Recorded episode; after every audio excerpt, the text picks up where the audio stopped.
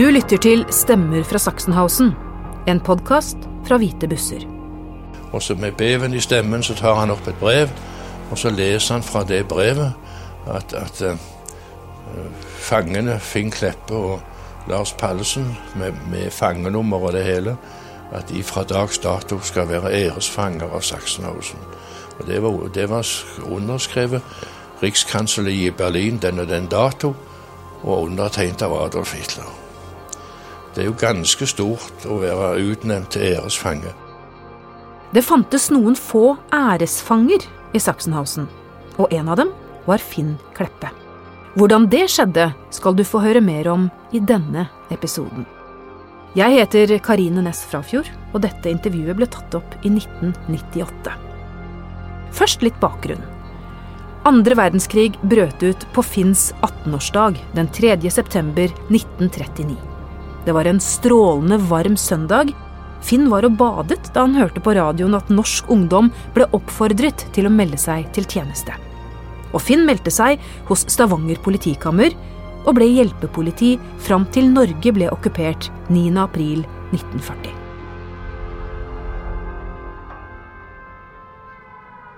Og dermed så var krigen i full gang. Og, og,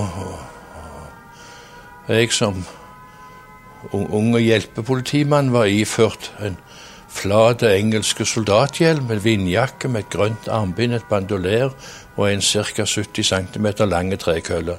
Det var, det, var, det var, vårt utstyr. Og på formiddagen den 9. april så ble en eh, annen kollega av meg, òg en sånn en hjelpepolitimann, vi ble sendt til bygrensen for å ta imot den tyske hær som kom. Om vi skulle stoppe denne hæren, eller om vi skulle, skulle gjemme med, trekøllene våre eller ei, det sa aldri politimesteren noe om.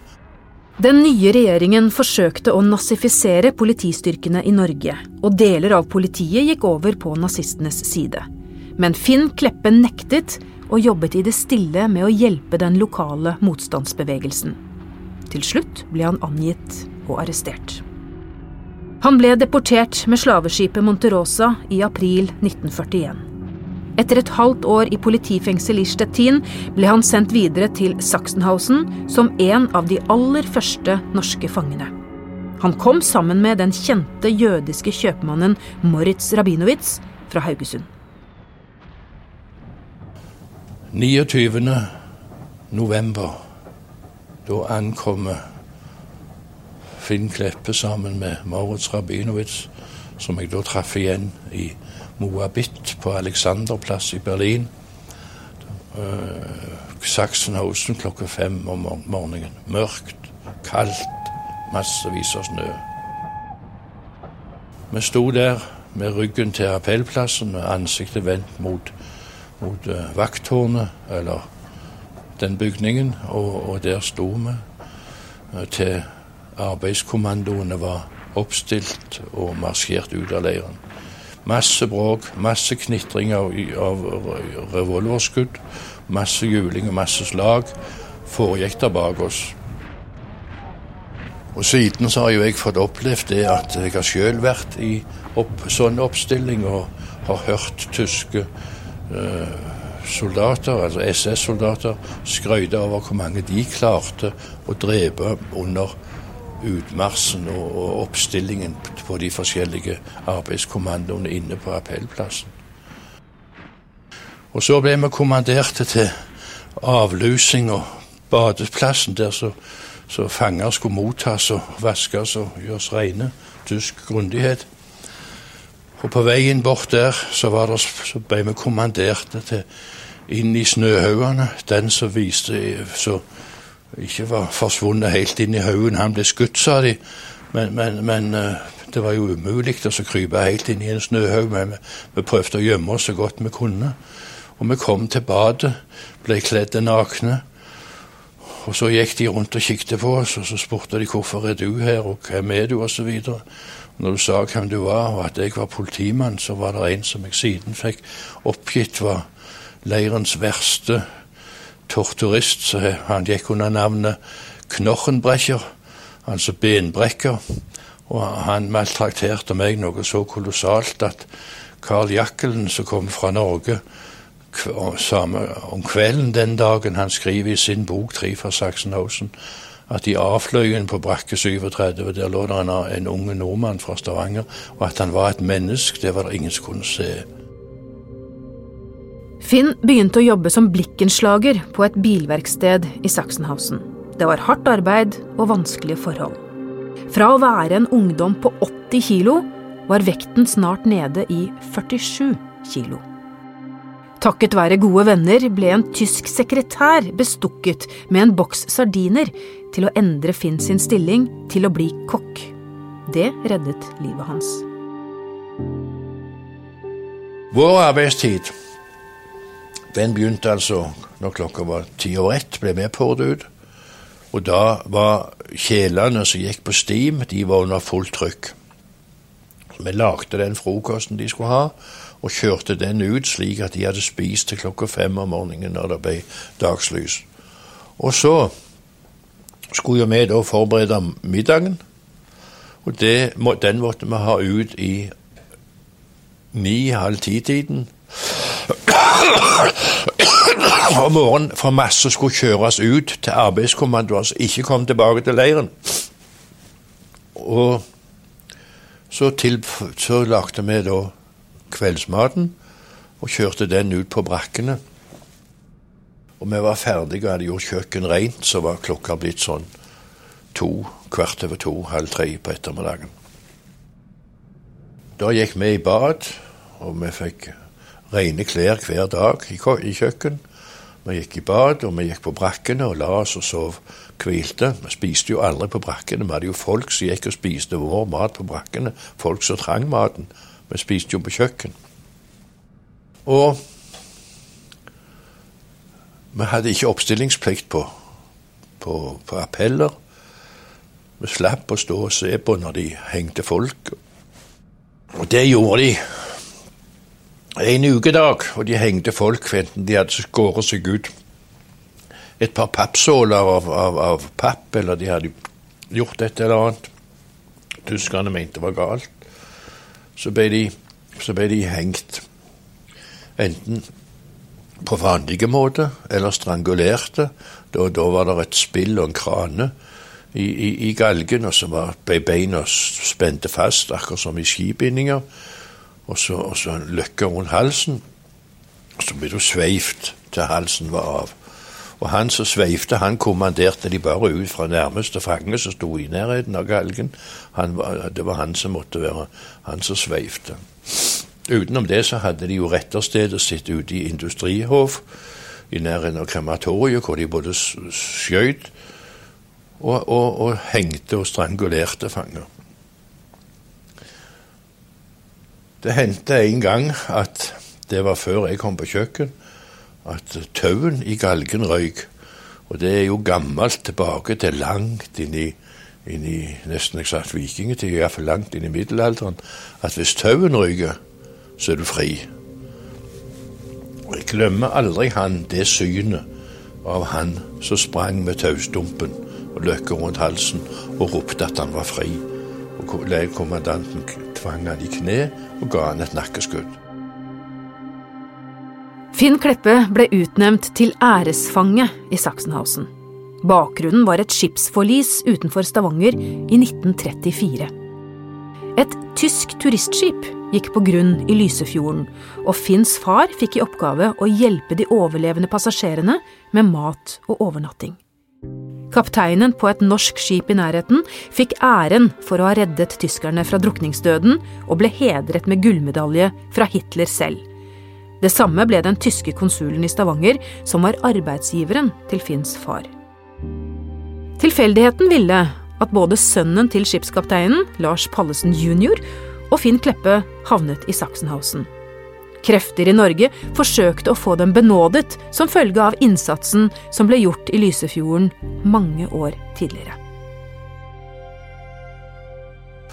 Under krigen så ble det skrevet brev til, til Terboven i Norge om denne redningsaksjonen, og da skrev konsul, konsulen det at det, det, var ikke jeg som skulle hatt den medaljen, det var min, min sekretær som gjorde arbeidet, og hans sønn er i fangenskap i Tyskland. Og, og, og de, mente det at det, det burde være en mulighet for, for meg, og for da sønnen til kaptein Pallesen, som òg var i Sachsenhausen, i å få komme hjem.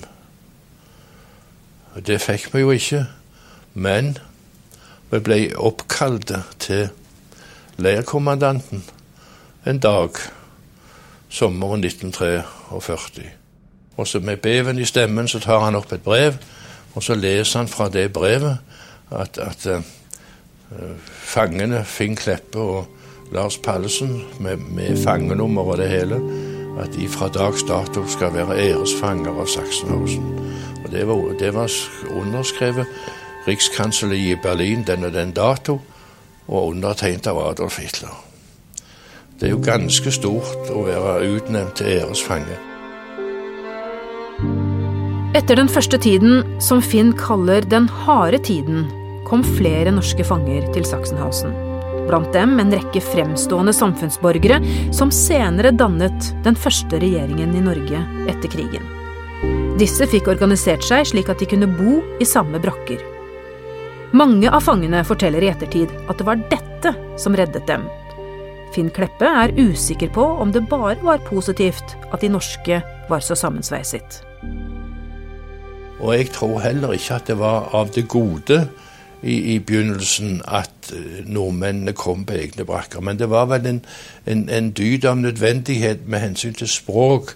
At det var mange som ikke kunne tysk. Televåginger og, og, og, og, andre som ikke kunne tysk. Og at de dermed på en måte fikk en lettelse med å, være, med å ha talsmenn som snakket for seg på brakka.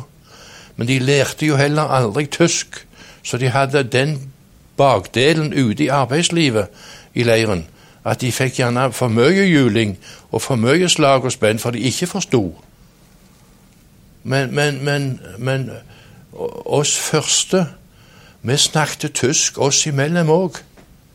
Fordi at vi ville at våre fangekamerater av andre nasjonaliteter òg skulle forstå oss. Det var ikke en polakk som snakket polsk. De snakket tysk mellom seg og, og sine norske venner.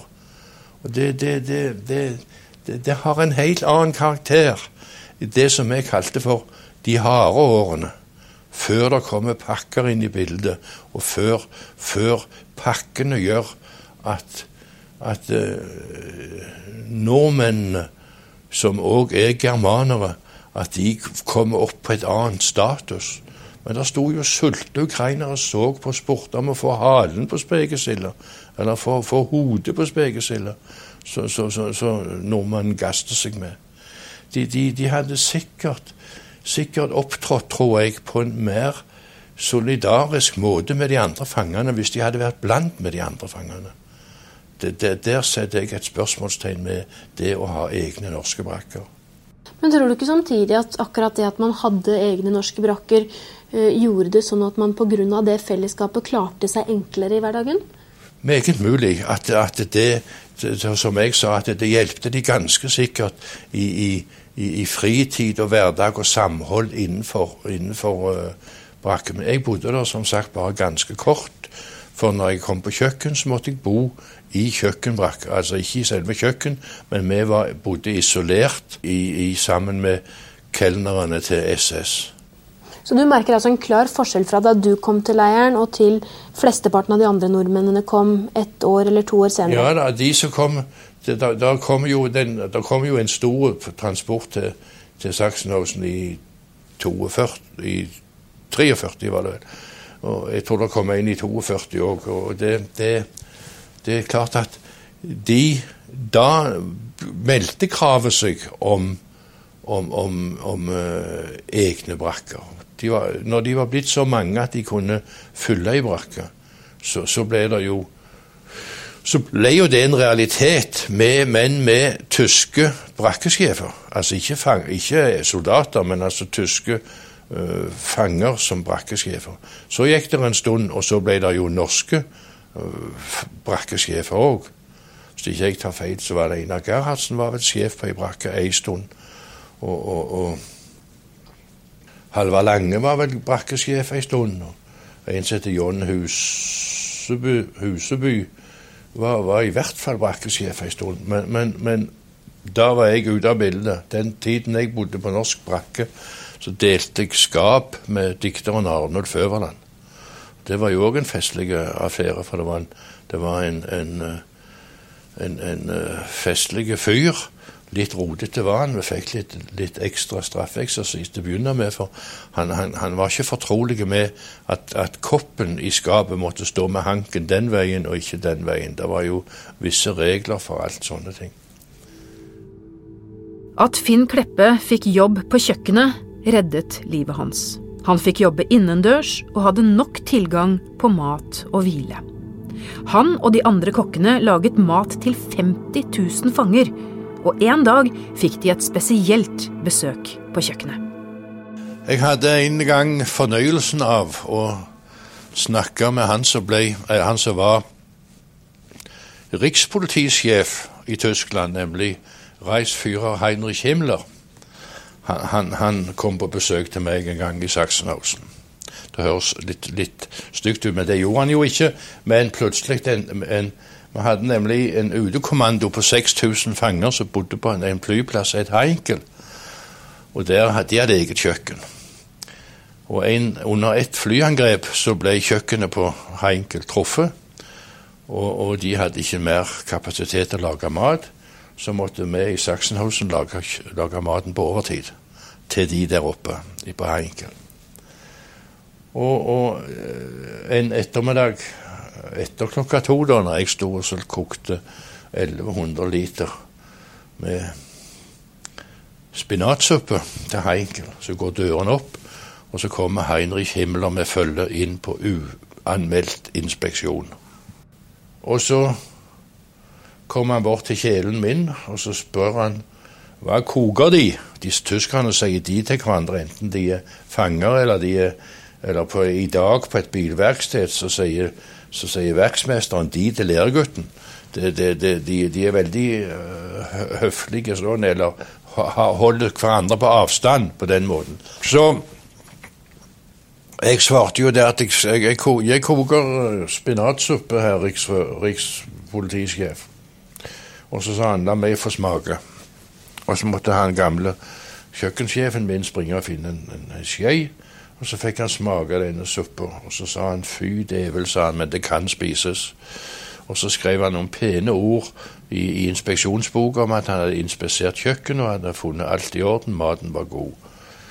Den spinaten som jeg kokte den gangen, det var altså hesteblomstblader.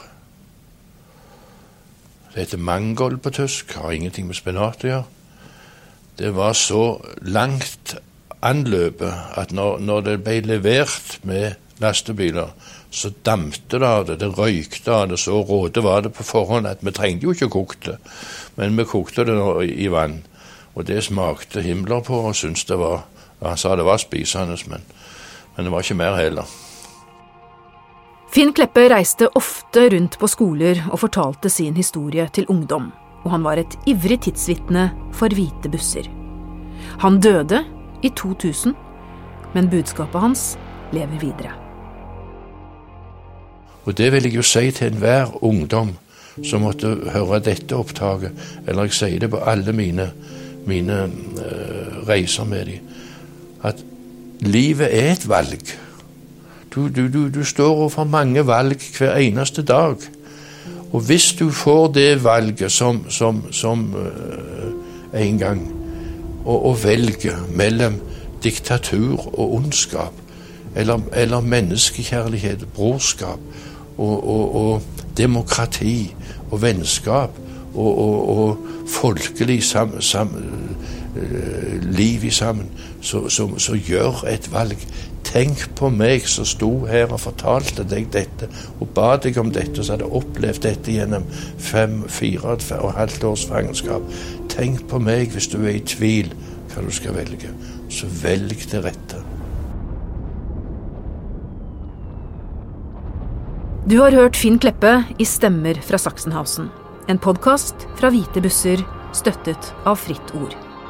Dette intervjuet ble tatt opp i 1998 som et ledd i Hvite bussers arbeid for å bevare tidsvitnenes historier for ettertiden. Lyddesign er ved Frode Ytterarne.